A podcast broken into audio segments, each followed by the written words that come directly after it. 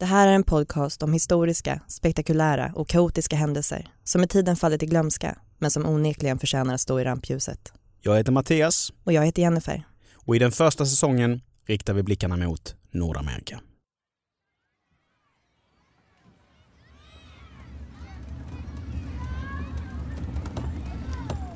Commercial Street, Boston.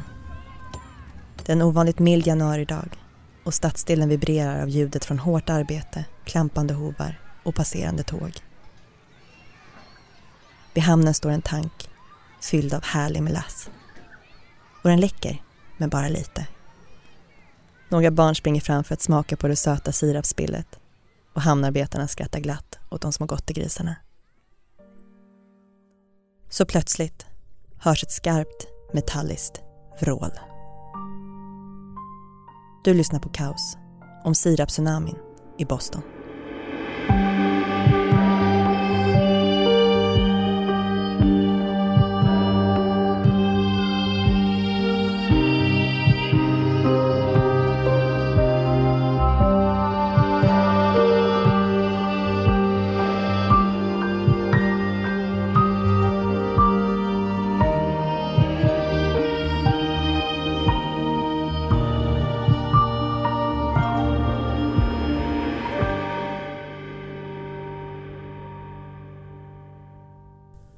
Januari 1919.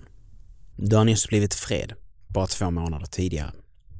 Första världskriget är över, de allierade står som vinnare och den nordamerikanska befolkningen kan äntligen pusta ut.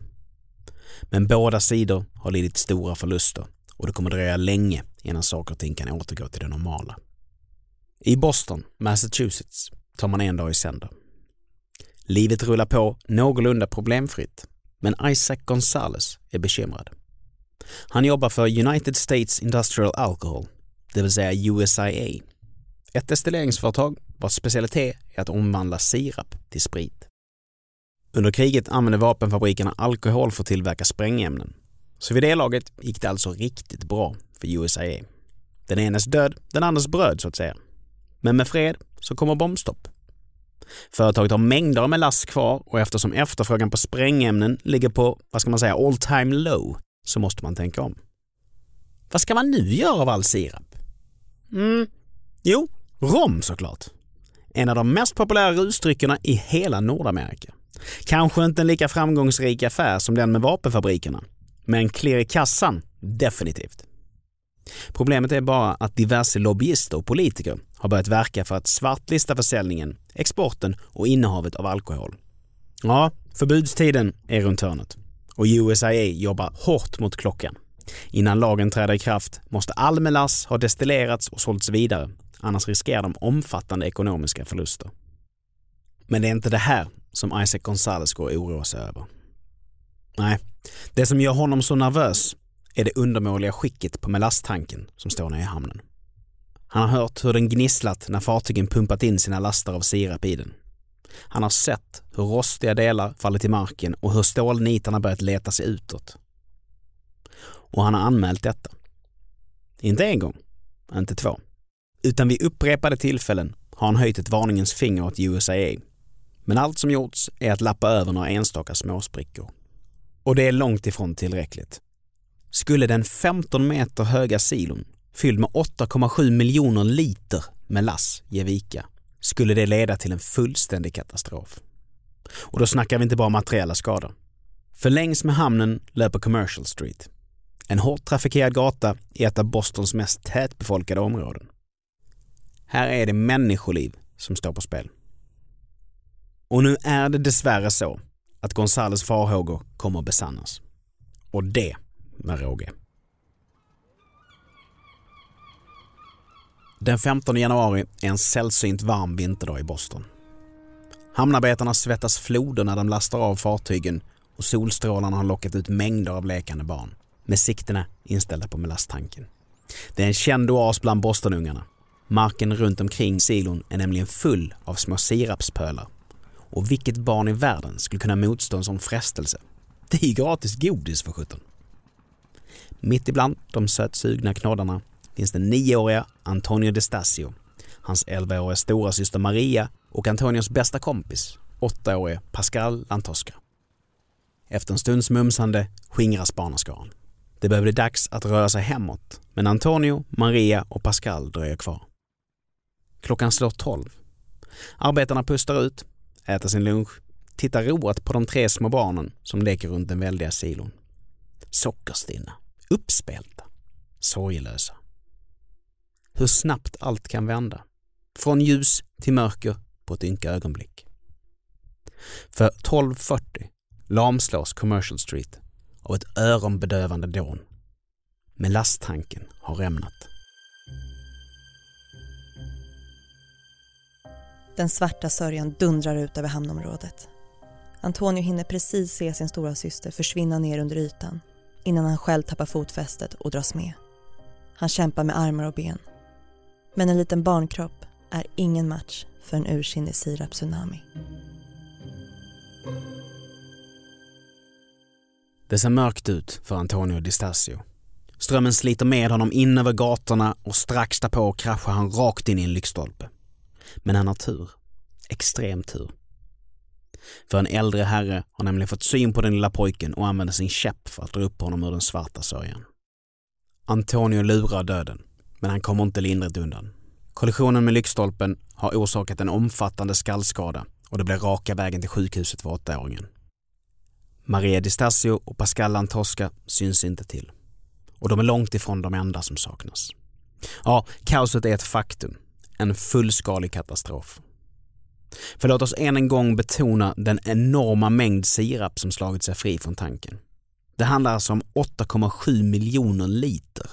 Omkring 12 000 ton med lass som i sin tur resulterar i en våg på hela 4 meter. Och den vågen är inte nådig. Det ska gudarna veta. Den sliter med sig människor, hästar och hundar. Bilar, småhus och tågvagnar. Butiksfasader krossas och tågplattformen välter. Brandstationen, en relativt stabil och bastant byggnad, lyfter från marken och släpas med så långt att den nästan hamnar ute i havet. Överallt hörs rop på hjälp. Och hjälpen är på väg. Men för många kommer den dessvärre för sent.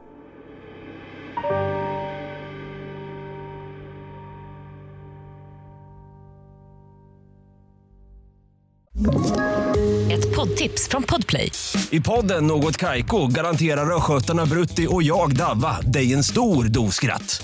Där följer jag pladask för köttätandet igen. Man är lite som en jävla vampyr. Man har fått lite blodsmak och då måste man ha mer. Udda spaningar, fängslande anekdoter och en och annan arg rant. Jag måste ha mitt kaffe på morgonen för annars är jag ingen trevlig människa. Då är du ingen trevlig människa, punkt. Något Kaiko, hör du på Podplay. Därför är gardinerna. Vågen ebbar ut, men vägarna badar fortfarande i ett tjockt lager sirap. Snart anländer ambulanserna, såväl som sjömän, brandmän, poliser och hundratals frivilliga. En av medlemmarna i räddningsstyrkan, en ung brandman, baxnar inför resultatet av siraptsunamins framfart. Han kan knappt tro sina ögon. Hela hamnområdet är totalkvaddat. Av husen finns bara kaffeved kvar.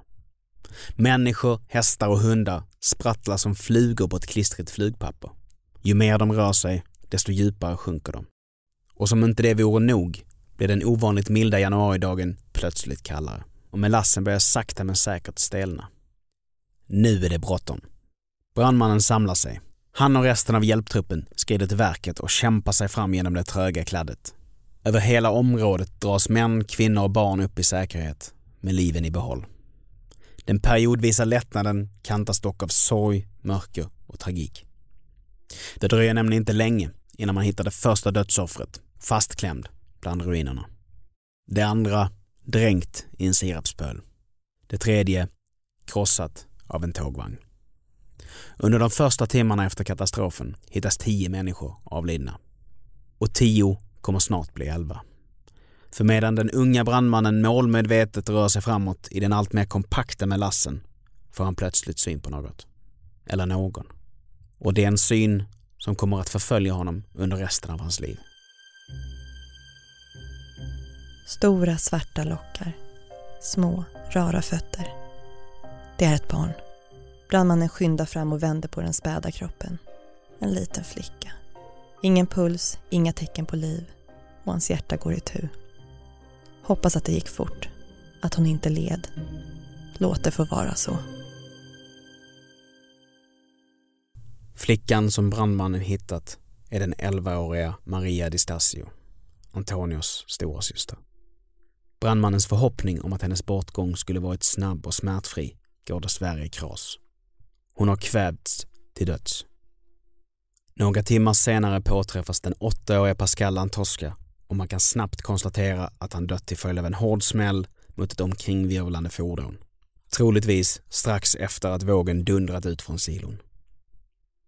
Uppröjningen i hamnområdet tar flera veckor. De materiella skadorna har en prislapp på åtskilliga miljoner och totalt hittar man 21 döda kroppar.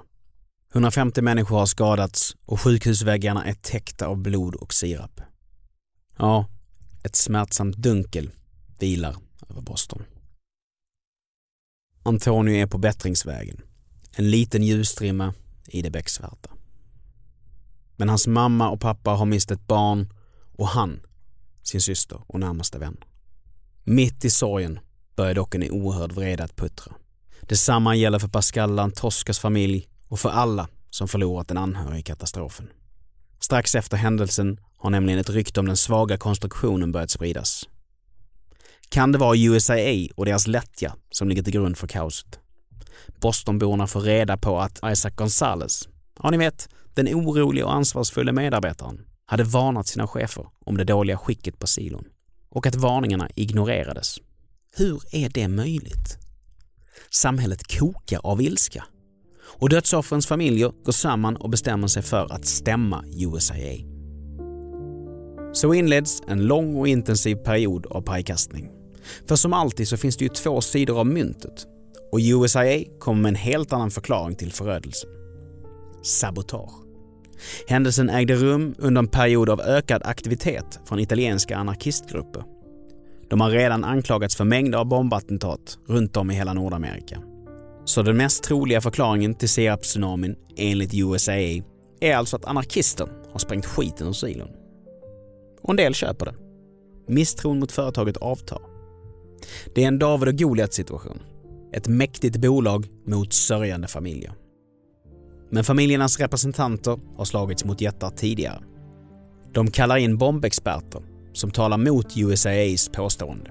Vittnen som befunnit sig i anslutning till tanken under dagarna före olyckan och som absolut inte lagt märke till något anarkifuffens. Och missnöjda USAA-anställda, däribland Isaac Gonzales, som berättar om odugliga arbetsförhållanden. Efter sex år. Ja, sex år så kommer domen.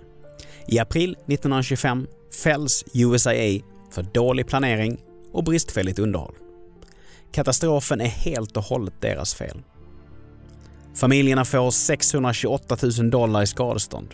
Pengarna fördelas mellan de drabbade och för Antonio, som vid det här laget hunnit bli 14, blir upprättelsen ett värmande plåster på det gapande såret efter förlusten av sin älskade syster och sin allra bästa vän.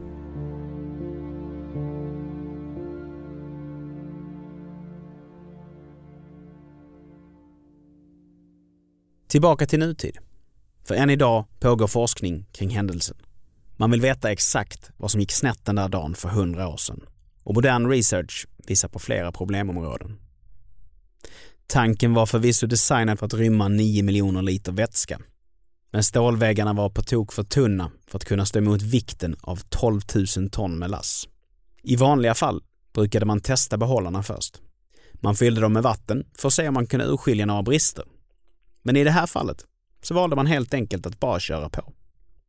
Utöver det så hade stålet blandats med för lite mangan, vilket gjorde det extra känsligt för kyla.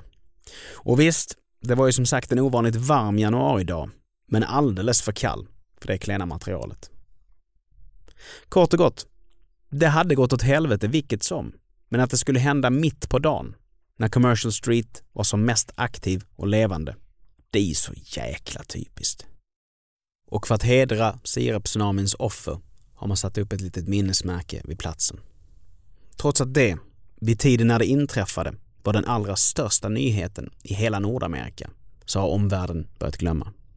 Tragedin har reducerats till en alltigenom komisk berättelse om en ofarlig sirapsflod som hämtad ur Kalle och chokladfabriken. Men bland Bostonborna så har minnena gått i arv.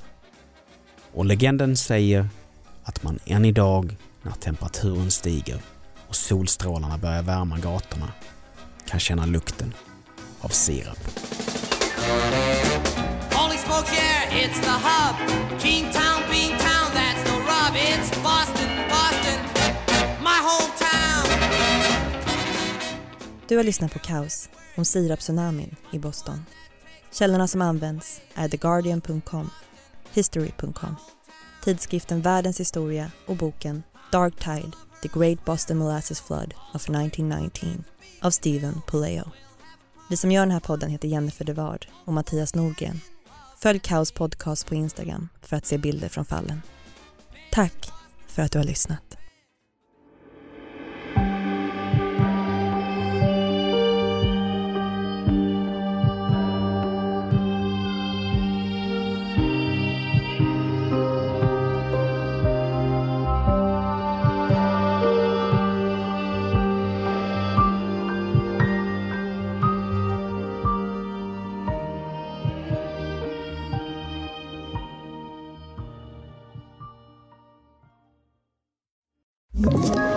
Ett poddtips från Podplay.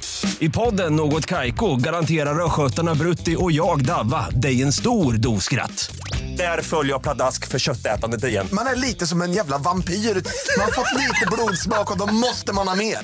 Udda spaningar, fängslande anekdoter och en och annan arg rant. Jag måste ha mitt kaffe på morgonen för annars är jag ingen trevlig människa. Då är du ingen trevlig människa, punkt. Något Kaiko, hör du på Podplay. Därför arkadeinerna.